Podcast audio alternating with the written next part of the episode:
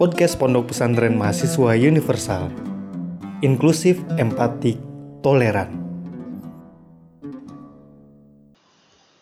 Maqasidus Syariah satu tema yang menarik dalam perbincangan para ulama fikih, usul fikih dan para pemikir keagamaan berkaitan dengan satu upaya memetakan upaya mengkaji fikih atau hukum Islam. Ada pendekatan maqasidus syariah. Pendekatan ini dianggap relatif baru sebut saja tapi juga mendasar karena membaca syariah dari sisi maksudnya. Maksud maqasid tujuan qasdus syai' menghendaki sesuatu. Membaca fikih dengan mengelaborasi prinsip-prinsip dasar, nilai-nilai universal dari fikih dari syariah Islam.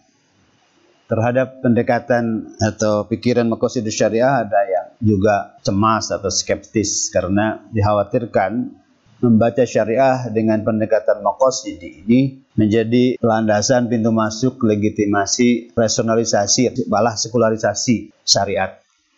Karena orang kemudian mengotak-atik memikirkan mengkritisi maksud atau maqasidus syariah.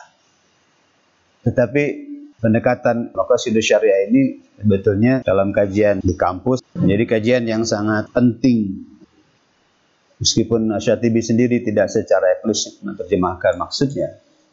Tapi dari sisi istilah, maka syidus syariah ada poin. Pertama maksud, ada tujuan, ada makna, ada rahasia, ada ilat. Apa sih dibalik penerapan hukum dalam syariah Islam itu? Apa rahasia-rahasia yang dikehendaki oleh syara, oleh al-hakim, oleh Allah subhanahu wa ta'ala? Apa makna yang terkandung dari syariah diberlakukannya hukum-hukum dalam Islam. Apa hikmahnya? Ada juga memahami maqasid syariah sebagai ilat. Ilat dalam fikih ada dua, ada illatul fa'ilah, ada illatul ghaya. Dalam bahasa hukum ada kausa efisien, ada kausa final. Ada tujuan, illatul ghaya. Apa sih tujuannya? Sebetulnya agak dekat dengan pengertian makna atau hikmah karena yakin tidak ada sesuatu yang sia-sia, tidak ada aturan hukum yang useless, tidak bermakna, tidak punya hikmah, tidak punya arti, ada tujuan, ada kehendak. Termasuk ada argumen kalau makna ilat dipahami sebagai kausa efisien atau ilatul wa'ilah. Kenapa sih ada ilat? Kenapa kita boleh berbuka? Kenapa kita boleh menjama? Ada yang itu pahami dari sisi ilat sebagai argumentasi atau sebab ditetapkannya sebuah hukum.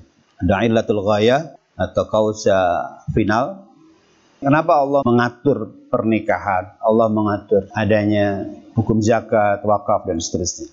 Itu makna secara bahasa dari maqasidus syariah. Maqasidus syariah ada yang membagi pada tiga kategori. Ada al-maqasid syariah al-amah, ada maqasid syariah juz'iyah, ada al-khassah, al-amah yang umum, tujuan umum, makna umum, rahasia umum dari sebuah pemberlakuan hukum-hukum dalam Islam secara umum. Ada yang juz'iyah, ada parsial, khusus berkaitan dengan hukum-hukum tertentu misalnya muamalah jual beli munakahat dan seterusnya ada yang khosok pada satu ketentuan hukum kenapa ini diharamkan dan seterusnya. Ada yang membagi secara kategori tadi umum, khusus, ada universal, ada partikular, ada parsial. Ada juga membagi di kalangan ulama klasik pada yang disebut dengan al-usulul khamsah. Ada lima prinsip dalam maqasidus syariah. Ada hifdzuddin, menjaga agama, ada hifdzun nafs, menjaga jiwa, ada hifdzun nasal, menjaga keturunan, Hifdul akal menjaga akal, ada hifdul mal menjaga harta. Paling tidak itu dikemukakan oleh Syatibi. Ada prinsip pokok, landasan pokok dalam maqasidus syariah. Ada menjaga agama, menjaga jiwa, hifdul nafs, menjaga akal. Ada juga memahami bahwa kelimanya adalah satu kesatuan. Nanti hari ini kita akan bahas hifdul hifdul din dengan hifdul nafs kaitan dengan persoalan yang hari ini ramai Satu sisi kita harus melaksanakan perintah-perintah agama, satu sisi kita juga harus menjaga keselamatan jiwa.